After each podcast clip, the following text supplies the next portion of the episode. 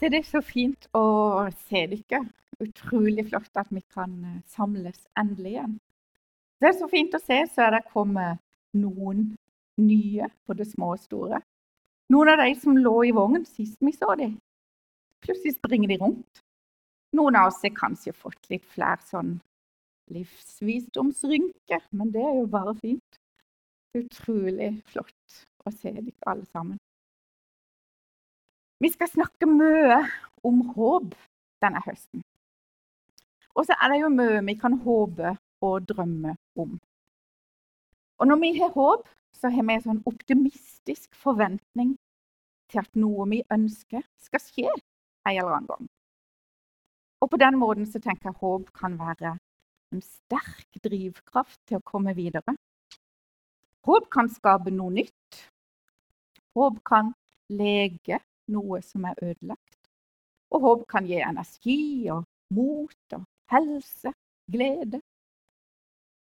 Og på den andre sida å miste håpet og høre at alt håp er ute, det er knusende, og det er forferdelig. Men ifølge Bibelen og ifølge Jesus så er aldri alt håp ute. Det finnes et håp og det finnes ei framtid som er mye større enn vår verden og vår forståelse. Og det er rett og slett her vi skal begynne høsten. I 1. Peter brev 1, 3-9 så stender noe av dette som beskrevet, og det er der mitt er utgangspunkt i dag. Da leser jeg det. Lovet være Gud, vår Herre Jesu Kristi Far han som i sin rike miskunn har født oss på ny til et levende håp ved Jesu Kristi oppstandelse fra de døde. Til en arv som aldri forgår, aldri skitnes til og aldri visner. Den er gjemt i himmelen for dere. Dere som i Guds kraft blir bevart ved tro, så dere når fram til frelsen. Den ligger alt ferdig til å bli åpenbart ved tidens ende. Derfor kan dere juble av glede, selv om dere nå en kort tid, om så må være, hadde tungt i mange slags prøvelser. Slik blir troen deres prøvet. Selv forgjengelig gull blir prøvet i ild. Troen som er så mye mer verd, må også prøves, så den kan bli til pris og herlighet og ære for dere når Jesus Kristus åpenbarer seg. Ham elsker dere, enda dere ikke har sett ham. Ham tror dere på, enda dere ikke nå ser ham, og dere jubler og er fylt av en glede så herlig at den ikke kan rommes i ord for dere når troens mål, frelse for deres sjeler. Dette er jo en lang tekst, og det er mange ting vi kunne ha trukket fram i den teksten. Men vi skal innom tre områder. Det er tre store områder. Første veien til troens mål. Frelse for sjela di, eller frelse for sjela vår. Andre vi skal snakke om, er prøvelse og valg av håp. Og det siste vi skal snakke noe om, er hva kan vi håpe på?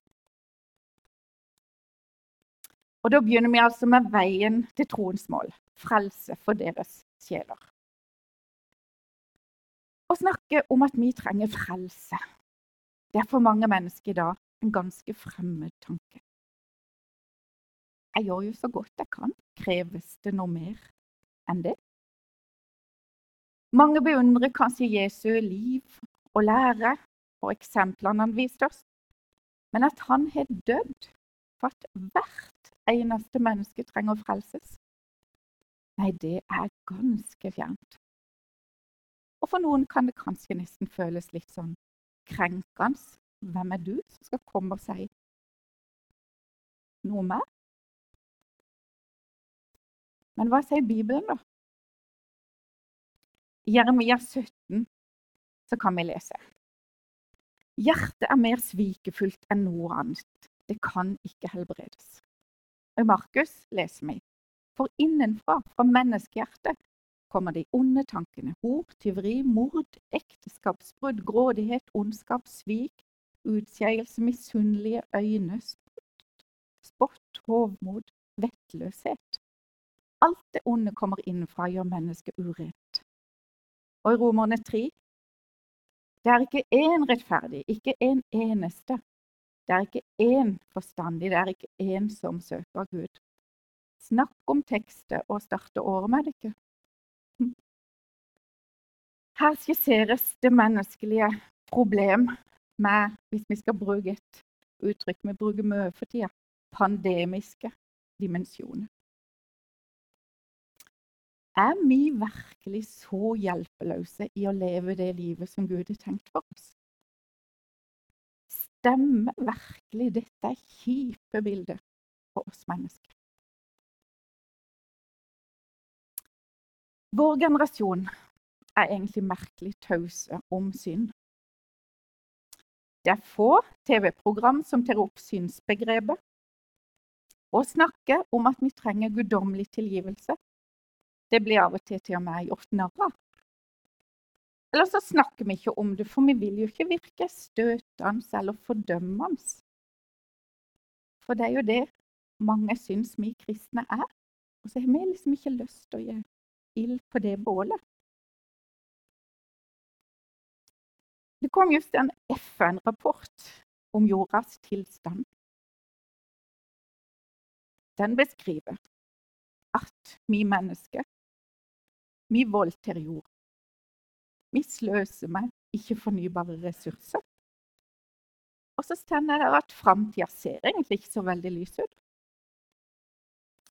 Hver dag så kan vi lese om titusener av mennesker som dør av sult og sykdom. Vi leser om tortur, om folkemord, om krig, om globale trusler. Politiet på Agder de advarer mot en overgrepstrend blant ungdom, ofte utført av andre ungdom. For ungdom tror at røff sex de setter på porno på nettet, er normalen. Dette er bare noen sånn få eksempler på at menneskehetens hjerte og sjele er problemet. Og det gjelder deg, og det gjelder meg, i våre tanker, i våre ord, i våre handlinger, og kanskje mangel på handling. Hjertene våre er skada. Kan Gud overse skaden? Kan han unnskylde oss og si at det er ikke så nøye? Nei. Gud han tåler ikke synd. Mennesker med harde og ødelagte hjerter kommer ikke inn i Guds rike. Det er de rene av hjertet som skal se Gud. Ja, der kom det, tenker du kanskje. Det er de som går mest på gudstjeneste, det er de som har en aktiv tjeneste i menigheten, det er de som oppfører seg innenfor de kristelige rammene. Det er de som er de rene. Det hun nå sier, er at alle de som ikke følger verdidokumentet til Nordmisjon, de er ikke gode nok. Det er ikke det jeg sier. Jeg sier egentlig at ingen av oss er gode nok. I den forstand i at vi sjøl har så rene hjerte at vi er kvalifisert for Guds rike. Vårt eneste håp og vår eneste løsning har Gud i sin nåde gitt oss gjennom Jesus. Om vi er på ett sted der vi må sette vår lit til et gresk ord, og det er jo alltid kult med noen greske ord i dalen, og det er i dag. Vi må sette vår lit til et gresk ord på fem bokstaver og det er hyper, som betyr i stedet for eller på vegne av. Så om dere ikke husker noe annet fra den talen, så husk på hyper. Og Da skal vi få opp noen bibeltekst på veggen, for forfatterne av Nytestamentet har brukt denne preposisjonen gang på gang for å bevise hva Jesus har gjort og gjør for oss. Jesus døde for hyper, altså våre synder. Han ga seg selv for våre synder. Ingen har større kjærlighet enn denne at han gir sitt liv for sine venner. Før sin død tok Jesus sitt brød og forklarte dette er mitt legeme som ble gitt for dere. Og da han ga dem begeret, sa han denne kalk er den nye pakt i mitt blod som utgytes, utgytes for dere. Jesus han bytter sitt hjerte med vårt. Han bytter sitt hjerte med det og meg. Han plasserer vår synd på seg, og så inviterer han Gud til å straffe. Det er som om vi har et sykt hjerte, og så får vi bytta inn et helt nytt hjerte. Vi er syke som blir erklært friske. Vi blir ikke bare benåda, Vi vil regnes som uskyldige. Vi går ikke inn i himmelen med helbreda hjerte, men med Jesu hjerte. Om noen er i Kristus, da er han en ny skapning. Det gamle er forbi. Se, alt er blitt nytt. Stender i andre Korinterbrev. I min oppvekst så var det mye fokus på synd. Hva vi kristne kunne gjøre og ikke gjøre. Og det ble stort skille mellom Jeg må bare ta noe vann. Nå ble jeg litt tørst. Stort fokus på synd, stort fokus på utenfor og innenfor. Og det er mange som er sår og skade fordi de har blitt fortalt eller opplevd at de ikke var gode nok for det kristne fellesskapet. Og det er forferdelig trist. I dag snakkes det mye om raushet, respekt og forståelse. Og det er bra, og det er viktig. Men i fokuset som er i dagens samfunn, så må vi òg passe på, tenker jeg, at vi ikke kaster vrak på friheten. Og mener med det, da? For meg så er det stor frihet i å innrømme at jeg aldri vil strekke helt til. I den form at jeg lever et perfekt liv, og at det aldri kommer til å glippe for meg. Men det er helt greit, for Jesus strekker til. Jeg er mer enn god nok. Jeg er høyt elska. Og for meg er det stor frihet og trygghet i å stole på at Gud vet bedre enn meg jeg verner noen grenser som er satt av Han, som har fulgt menneskeheten helt siden tidenes morgen. Og han følger oss helt inn i evigheten. Det vi i 2021 tenker er kjempeviktig, det ser han i et mye større perspektiv. Og det er han jeg vil stole på, og det er han jeg vil se til min liv. Vi kan komme til Jesus med våre liv, med våre arr, med våre sår, med det slitne og det ødelagte og det utilstrekkelige. Og så spør vi Jesus, kan du gjøre noe med dette hjertet. Ja, sier Jesus, og så kommer han med et tilbud til oss. Skal vi bytte hjerte? Det er frihet.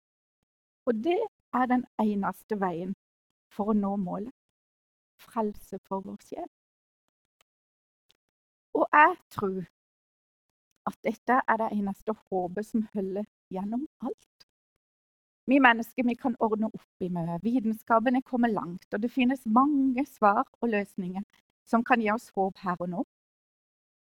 Men verken sekulære eller humanistiske mål kan redde oss. Det er det bare Jesus som kan. Så skal vi se litt på dette med prøvelse og valg av håp. Tviler du aldri, Anne, er det en godt voksen mann som har spurt meg om flere ganger.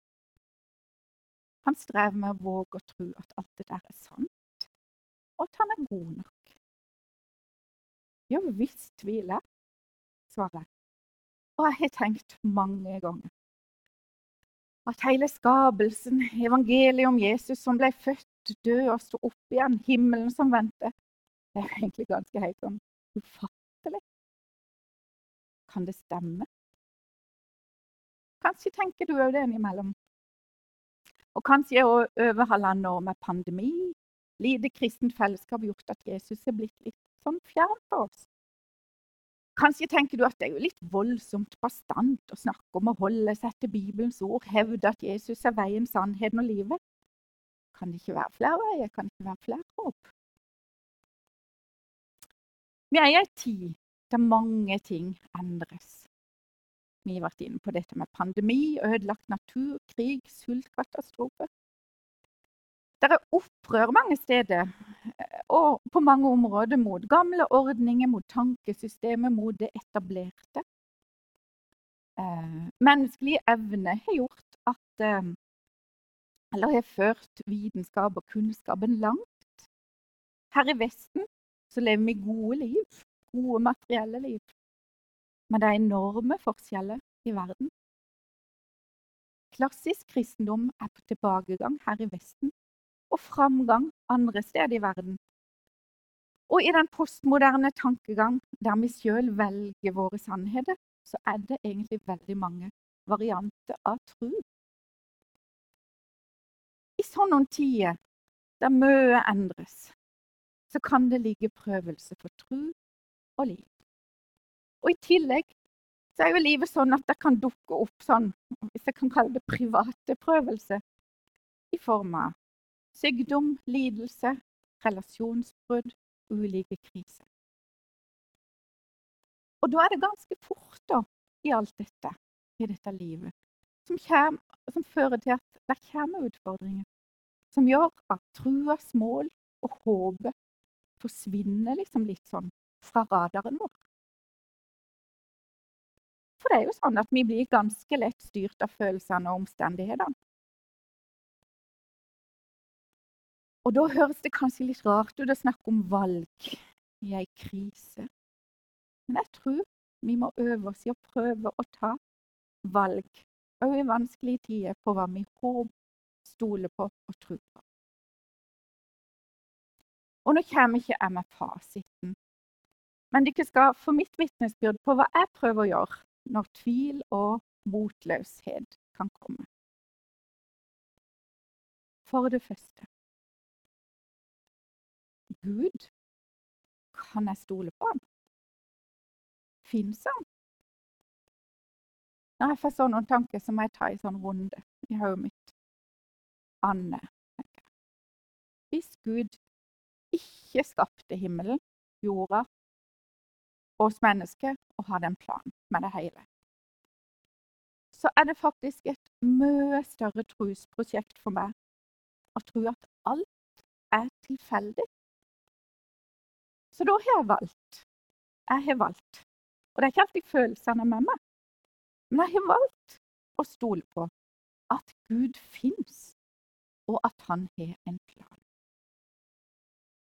For det andre Jesus. Historiske fakta viser at Jesus har levd. Og i alt vi kan lese om, så hadde han ingen kjennetegn på å være en bedrager som ville lure andre. For han gikk jo frivillig i døden for sitt budskap. Det gjør egentlig ikke bedragere. Han virka ikke å være sinnssyk, som påsto at han var Guds sønn. For han framsto med modenhet, med intelligens, med mot og dømmekraft. Og at fortellingene om Jesus bare er eventyr og sangen, det blir også tilbakevist gjennom at Nytestamentet er skrevet av flere øyenvitner som sjøl gikk i døden for den Herre de fortalte andre om. Og det er ingen andre bøker fra oldtida som er så godt bevitna og grundig forska på. Så sies Lewis han sier noe om dette. Det får vi opp på veggen bak her. Som jeg syns er utrolig bra. Det eneste vi ikke kan si om Jesus, er at han var et godt menneske, men ikke noe mer. En mann som bare var et menneske og sa den slags ting som Jesus sa. Han ville ikke være noe godt menneske. Enten ville han være sinnssyk, på linje med en som sier at de er et bløtkokt egg, eller han ville være en helvetes djevel. Vi må gjøre vårt valg. Enten var Jesus Guds sønn, eller så var han gal, eller noe verre. Du kan slå han i hodet med at han var en idiot. Du kan spytte på han og drepe han. Eller du kan falle for hans føtter og kalle han Herre og Gud. Hva velger du? Fakta, Bibelen og erfaringene gjør at jeg velger å håpe og tro på Jesus. For det tredje, da. Det er så utrolig mye vi kan tro på. Og hva skal vi velge? Vi skal ha stor respekt for andres tro. Og vi har mye å lære av hverandre. Men vi skal allikevel frimodig få lov til å holde fast på noe vi tror er sant og godt. Humanister har kanskje et lite håp om at døden er ett skritt inn i det store kanskje. Islam sier at vi må utføre plikter for at Gud skal være fornøyd. Hinduismen sier at vi må regne med flere reinkarnasjoner før vi når nivåene. Ateisten tror at når alt er slutt et eller ateisten tror at alt er slutt når vi etter et visst antall år skal forlate denne verden. Jeg har valgt å være kristen og ha Jesus og hans nåde som mitt håp. For meg er det godt å holde meg til Gud, stender i en gammel salme. Og det er det for meg òg. Jeg takker Jesus for at han tar imot meg, uansett, og han gir meg et nytt hjerte. Og valget jeg har tatt, det gir meg retning og håp i livet og for evigheten. Så hva velger du?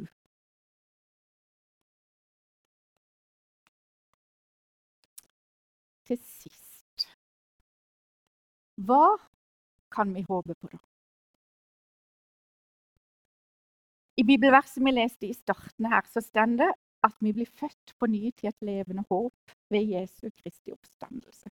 Vi leser om ei arv som aldri forgjenger, aldri skitnes til eller visner. Vi leser om noe som er gjemt i himmelen for alle som velger å bli hos Jesus. Noe som skal bli åpenbart ved tidens ende. Hva er alt dette her? Jeg tror det er snakk om et håp som har betydning her og nå, men òg i evighetsperspektiv. Og nå, Einar, får vi få opp et sånn bilde bak meg her. For i filmer og vitser så ser det jo ofte ut som at himmelen kan være et noe kjedelig sted. Der vi stender til knes i hvite skyer. Det er mange harper, det er mange svevende engler, det er noen gullporter, litt sånn glitter og stas. Vi skal snakke mye om himmelen senere i høst. Men for veldig mange år siden så leste jeg ei bok som heter 'Visst skal jorden bli ny', av en gammel biskop som heter Erling Utne. Og den utvida min tro og mitt håp på hva evigheten I Bibelen kan vi lese om endetidsscenarioet der himmel og jord i sin skada form skal forsvinne. Men vi kan òg lese om at Gud han skaper det nye Jerusalem. Og Jesus sier i Johannes 14 at han reiser av sted for å forberede et sted for oss.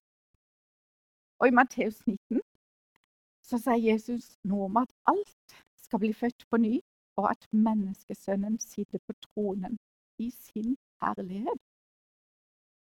Her er det mye iallfall ikke jeg fatter.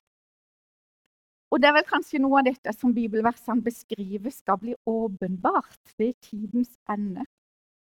Men det å lese, det jeg stoler på gjennom hele Bibelen som en rød tråd, det er at Gud aldri gir opp sitt skaperverk. Han leider, han oppsøker, Eh, og han vil helbrede det som er ødelagt. Han gjenskaper, han fornyer. Og Bibelen gir oss et glimt av en evighet der alle som har valgt Jesus, skal være en del av det og leve i et fullkomment skaperverk. Og det gjelder både himmel og jord, det gjelder våre hjerter og våre kropper. Et sted der du og meg vil være på vårt beste for bestandig, og der vi har glede av at alle andre òg er helt på topp. Bibelen gir oss glimt av dette håpet. Og jeg tror òg vi ser himmelske evighetsglimt i åssen vårt nye 'jeg vil bli' allerede her på jorda. Kanskje, når vi er sammen sånn som nå, endelig kan vi være sammen. Kanskje når vi tilgir noen som har såra oss, og kjenner hva som da skjer. Kanskje når vi bånd eller båndebånd i armene og snus i nakken deres og kjenner opp. Ja, da griner vet du. Bare ta noe annet. Når vi har det i armene våre og kjenner høyt vi elsker dem. Kanskje når vi sammen med venner snakker sant og ærlig om livet og gir hverandre omsorg. Og så tror jeg òg vi får evighetsglimt og himmelglimt. når vi møter med sykdom og krise, får en nesten sånn uforståelig styrke og form av fred. Fordi vi tror på en evig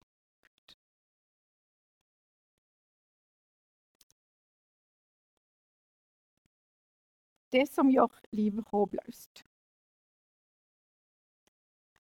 det er jo når vi mennesker glemmer alt dette. Når vi slenger sårende ord, når vi mistror hverandre, når vi lar sure tanker forgifte hverdagen og relasjonen. Når vi lar verdens nød og elendighet fylle hjertet vårt, og så glemmer vi Han som gir oss et håp som er mye større enn oss. Mye større enn menneskeheten. Og mye større enn det alle, alle verdens klokeste folk kan komme på.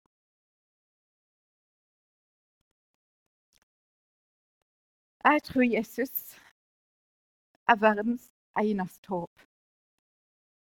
Og veien til at det skal være levende i våre liv, det er gjennom å erkjenne at vi trenger å ta imot hans hjerte, for vårt er for svakt. Gjennom å ikke bare basere trua på følelsene, omstendighetene eller det som råder i tida, men å velge bevisst hva vi vil håpe og tro på, og holde fast i det. Og så tror jeg Jesus vil gi oss håp hver eneste dag. Gjennom Bibelen, gjennom det kristne fellesskapet, gjennom nattverden, gjennom bønna. hver eneste dag. Så derfor kan vi juble av glede. Selv i prøvelse. Selv når trua blir prøva. Og vi kan bli fylt av en glede så herlig at den ikke kan rommes i ord. Fordi vi når troas mål, frelse for hjertet og for sjela. Amen.